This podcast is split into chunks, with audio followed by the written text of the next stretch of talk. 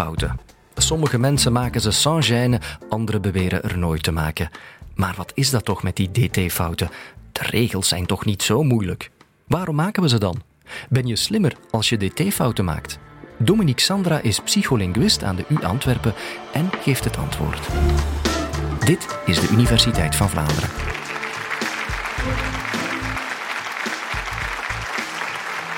Volgens jullie is dit waarschijnlijk een totaal absurde vraag. Wie een dt-fout maakt, is toch dom of minstens nonchalant. Slim zal wel het laatste woord zijn waar jullie aan denken.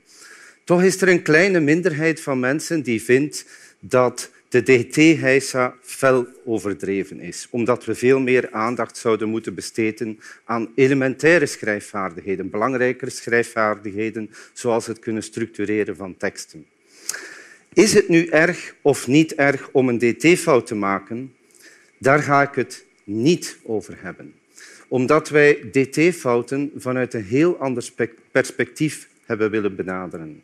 Niet met een blik van veroordeling, maar ook niet met een houding van tolerantie. Wel vanuit de wetenschappelijke invalshoek. En dat wil zeggen dat we geprobeerd hebben om een neutrale houding tegenover dt-fouten uh, in te nemen. Volgens ons immers zijn dt-fouten enkel een aanleiding om de vraag te stellen hoe komt het dat ons taalbrein daarover struikelt. We willen dus iets meer te weten komen over dat taalbrein. Wat is dat taalbrein? Dat is de software die het ons mogelijk maakt om te spreken, te verstaan, te lezen en te schrijven. En het is die software die we bestuderen in de psycholinguïstiek. Laten we vertrekken van een heel eenvoudige observatie. Iedereen hier, denk ik, maakt wel eens een dt-fout. Of je dat nu graag hoort of niet. Maar daarom laten we ze niet staan, dus je hoeft niet te panikeren. Nu, voor onderzoekers als wij is het niet zo belangrijk dat je die fout corrigeert of niet. Het is veel belangrijker dat je ze in de eerste instantie maakt. Dat vertelt namelijk iets over ons taalbrein. Dat er iets is in ons taalbrein dat ons heel gemakkelijk doet uitglijden over die regels. En de vraag is waarom? En daarmee komen we terecht bij de centrale wetenschap, of bij de centrale vraag moet ik zeggen, in elke wetenschappelijke discipline. De waarom-vraag. Waarom zijn de dingen zoals ze zijn? Bijvoorbeeld, waarom valt de maan niet op de aarde en een appel wel? En waarom maken we zoveel dt-fouten en blijken die onuitroeibaar te zijn? Zelfs al zijn de regels voor de spelling van de vervoegde Nederlandse werkwoorden echt niet zo moeilijk. Zelfs ondanks niet aflatende inspanningen van generaties leerkrachten. En zelfs niet, al ligt er een heel zwaar taboe op die fouten. De fouten blijven voorkomen, ook in krantenartikels, tot grote ergernis van sommige lezers, ook in ondertiteling en zelfs in e-mails van professoren. Dat zijn dan mijn collega's natuurlijk. In elke wetenschap probeert men waarom-vragen te beantwoorden door te zoeken naar een systematiek. Als we taalbrein willen begrijpen, dan kunnen we dat bijvoorbeeld door te zoeken naar de systematiek in taalfouten. De studie van versprekingen heeft ons dat heel mooi geleerd. Zo wilde iemand op een bepaald moment zeggen met vereende krachten, versprak zich en zei met verkrachte eenden. Nu, dat is echt gebeurd en die fouten komen heel courant voor. Maar wat we er vooral uit leren, is dat de uitspraak van een volgend woord reeds in een soort mentaal wachtrijtje klaar zit in ons brein nog voor we het moeten uitspreken. Nu, op dezelfde manier gingen we op zoek naar dt-fouten en een systematiek daarin. Ik verspreek mezelf. De eerste systematiek, en dat zal jullie misschien verbazen, is dat de meeste Nederlandse werkwoorden geen dt-fouten veroorzaken. En dat komt omdat we ze kunnen schrijven, schrijven zoals we ze horen. Dat zijn vormen zoals spreekt of gewerkt en vele andere. Er is maar een heel kleine minderheid van werkwoordvormen die een risico op een dt-fout creëren. En op dat kleine territorium van risicogevallen, van gevaarwerkwoorden zou je kunnen zeggen, vinden we vooral homofone werkwoorden. Wat een geleerd woord. Gewoon om te zeggen dat er werkwoorden bestaan die dezelfde uitspraak hebben, maar twee verschillende spellingvormen. Neem bijvoorbeeld woord. Dat kan gespeld worden, zoals jullie allemaal weten, als woord met een D en als woord met DT. Maar waarom zijn het precies de homofone werkwoorden die voor problemen zorgen? Het antwoord volgt bijna uit wat ik daar straks gezegd heb. Hier kun je niet luisteren naar de uitspraak, maar moet je een grammaticale redenering maken. Neem bijvoorbeeld het woordje wordt, de homofoon wordt om de technische term te gebruiken. Als we dat moeten spellen, dan horen we een T, maar we moeten een D spellen omwille van de stam die een D bevat. En dan moeten we ons nog eens afvragen of we ook een T moeten spellen. En daarvoor moeten we naar het onderwerp van de zin kijken. Maar dat verschuift eigenlijk gewoon de waarom-vraag. Want ik hoor het jullie al denken, waarom is zo'n gemakkelijke redenering zo moeilijk of leidt ze tot zoveel fouten? Dit bracht ons dus tot de eerste hypothese. De hypothese namelijk dat het niet de redenering zelf is die zo moeilijk is, maar dat de redenering tijd kost, dat ze tijdrovend is. En dat komt omdat we heel vaak snel moeten schrijven. Het komt ook, en dat is belangrijk, omdat er een extra factor is die het nog veel tijdrovender maakt, de grammaticale analyse. Zoals ik al verteld heb, zijn de meeste Nederlandse werkwoordvormen vormen die geen dt-fouten veroorzaken. Dat betekent ook dat we onvoldoende getraind zijn om de dt-regels toe te passen. En als we niet getraind zijn, dan automatiseren we die regels niet. Wat betekent dat? Automatiseren betekent dat we zonder na te denken iets kunnen uitvoeren. We hoeven er niet meer bij na te denken. Dat is bijvoorbeeld het geval als we woorden spellen als taken en takken. Dat zijn de spellingregels die we onbewust automatisch toepassen wanneer we open en gesloten lettergrepen eh, moeten spellen. Dat is echter niet het geval wanneer we de DT-regels moeten toepassen. Daar moeten we bewust nadenken. En dat is het probleem. Want als we bewuste processen nodig hebben, dan moeten we ons werkgeheugen gebruiken. Nu, het werkgeheugen kennen jullie allemaal. Dat is, dat is het geheugen dat jullie nodig hebben of gebruiken in een winkel als je moet berekenen hoeveel iets kost als je 30% korting krijgt. Dus dat kost tijd. En als je diezelfde datzelfde werkgeheugen nodig hebt om het onderwerp in de zin te vinden, dan betekent het dat je tijd nodig hebt. En als je die tijd niet hebt, en dat is bij het schrijven heel vaak het geval, maak je dt-fouten.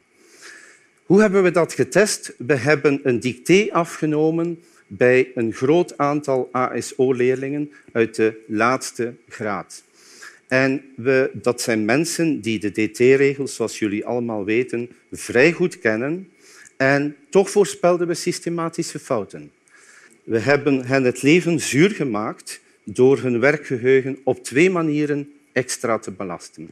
Ten eerste, we dicteerden tegen een hele hoge tijdsdruk. Dat zou het voor hen moeilijk moeten maken om het onderwerp van de zin te vinden. Ten tweede, we stopten het dicté niet enkel vol met homofone werkwoorden, die term ken je nu al, maar ook met veel andere woorden van het type parallelogram en veel andere van dat genre. Nu voorspelden we dat proefpersonen in deze taak meer fouten zouden maken in zinnen van het type omdat ik er nog gek van word, dan in zinnen als ik word er nog gek van. Wat is het verschil? In de tweede zin staan er verschillende woorden tussen het onderwerp en het vervoegde werkwoord. Dat betekent dat je langer tijd nodig hebt om het onderwerp te vinden, maar als je werkgeheugen onder druk staat, zal dat moeilijk zijn en is het risico om dt-fouten te maken vele keren groter. Dat is de hypothese natuurlijk. Maar dat kwam ook uit de gegevens. We vonden dat proefpersonen veel meer dt-fouten maken als, uh, maakten als het onderwerp en het vervoegde werkwoord uit elkaar stonden. En het maakte daarbij niet uit of de correcte spelling de spelling met D was, zoals in de voorbeeldzin, of de spelling met DT. De eerste conclusie is dus dat als ons werkgeheugen overbelast is, dat dit het uh, risico op dt-fouten triggert. Maar dan kun je de vraag stellen, welke fouten maken we dan als we struikelen over de dt-regels, omdat ons werkgeheugen overbelast is? Is het zo dat we willekeurig een van de twee spellingvormen opschrijven? Of is het zo dat we toch een onbewuste voorkeur hebben? En zo ja, hoe zou die voorkeur er dan uitzien? Dat bracht ons tot de tweede hypothese. De hypothese over de rol van het woordgeheugen. Het woordgeheugen, dat kan je zelf ook bedenken, is, het, is gewoon het geheugen waar alle woorden, in dit geval van onze moedertaal, liggen opgeslagen. Onze hypothese was dat het woordgeheugen misschien automatisch als een soort reflex de meest voorkomende spelling zou opdringen, zoals een pop-up die ongevraagd verschijnt op ons computerscherm. Laten we eens kijken naar een voorbeeld van twee zulke pop-ups. De homofoon beland die zou aanleiding geven tot de pop-up beland met een D. Waarom? Dat is de spelling die veel vaker voorkomt dan beland met DT. Het tegenstelde zou zich voordoen bij een vorm als wordt. Die komt vaker voor met dt dan met d. Wat is nu de voorspelling? Als we inderdaad gestoord worden door een pop-up die door ons woordgeheugen wordt uh, geactiveerd, dan zullen we fouten maken als de spelling die de zin vereist afwijkt van de spelling van de pop-up. En dat is precies wat we vonden. Op deze grafiek kan je zien dat voor de pop-up beland er inderdaad veel meer fouten worden gemaakt eh, van het type hij belandt met een D dan van het type ik beland met dt. Het tegenovergestelde patroon, de paaltjes staan anders aan de rechterkant, doet zich voor voor wordt. We schrijven veel vaker ik word, zeker als er tussen de twee woorden staan, met dt, fout dus, dan hij wordt met een d. Het feit dat we dit vinden bevestigt het idee dat pop-ups als een stoorzender werken tijdens het spellen. Tweede conclusie. Ons woordgeheugen dringt blijkbaar automatisch de meest frequente spelling op als een soort pop-up uit het woordgeheugen. Uit verder onderzoek bleek dat diezelfde resultaten ook terug te vinden zijn in het TSO, en in het BSO. Leerlingen uit het TSO maken weliswaar meer dt-fouten. Leerlingen uit BSO maken er nog, nog meer. Maar het belangrijkste voor ons doel was dat we drie keer dezelfde systematiek vonden. Al die leerlingen vielen ten prooi aan wat ik de pop-up uit het woordgeheugen heb genoemd. Derde conclusie. Alle spellers, goede en zwakke, maken dt-fouten ongeacht hun opleidingsniveau. Dat betekent dat we allemaal het slachtoffer kunnen worden van wat je zou kunnen noemen het samenspel tussen de limieten van ons werkgeheugen enerzijds en de dwang van ons woordgeheugen anderzijds. Ten slotte hebben we vastgesteld dat die dt-val zich ook voordoet, merkwaardig genoeg waar je het niet zou verwachten, tijdens het lezen van teksten. Dat betekent dat we opnieuw het slachtoffer worden als we teksten lezen. En ik geef meteen twee voorbeelden. Proefpersonen lazen veel vaker over de zin, over de dt-fout heen in een zin als omdat ik er nog gek van word, fout met dt uiteraard, dan in een zin omdat hij er nog gek van wordt, fout met een d. Wordt met dt, ik heb het al gezegd, komt vele keren frequenter voor in Nederlandse teksten dan wordt met een d. En onze verklaring is dat daardoor het spellingbeeld met dt veel vertrouwder is en dat we daarom veel minder argwaan voelen als we die uh, vorm te zien krijgen en minder goed aanvoelen dat daar een dt-fout eh, staat. Dit komt dus echt uit experimenten. Uh, ik verzin het niet. Vierde conclusie. We trappen twee keer in dezelfde dt-val. Ten eerste bij het schrijven, ten tweede opnieuw als we niet opletten tijdens het nalezen. Globale conclusie van dit hele onderzoek. De werking van ons taalbrein, zoals ik het daar straks al aankondigde, verklaart effectief waarom dt-fouten zo hardnekkig zijn. Laten we terugkeren naar de beginvraag. Ben je slimmer als je dt-fouten maakt? Uiteraard niet, maar dat had je wellicht al verwacht, dat antwoord. En voor alle duidelijkheid, ik predik zeker geen uh, boodschap van tolerantie. Daar heeft het niets mee te maken. Als onderzoeker wil ik enkel een verklaring zoeken, zoals alle onderzoekers, naar een waarom-vraag. Waarom is het dat het zo is en niet anders?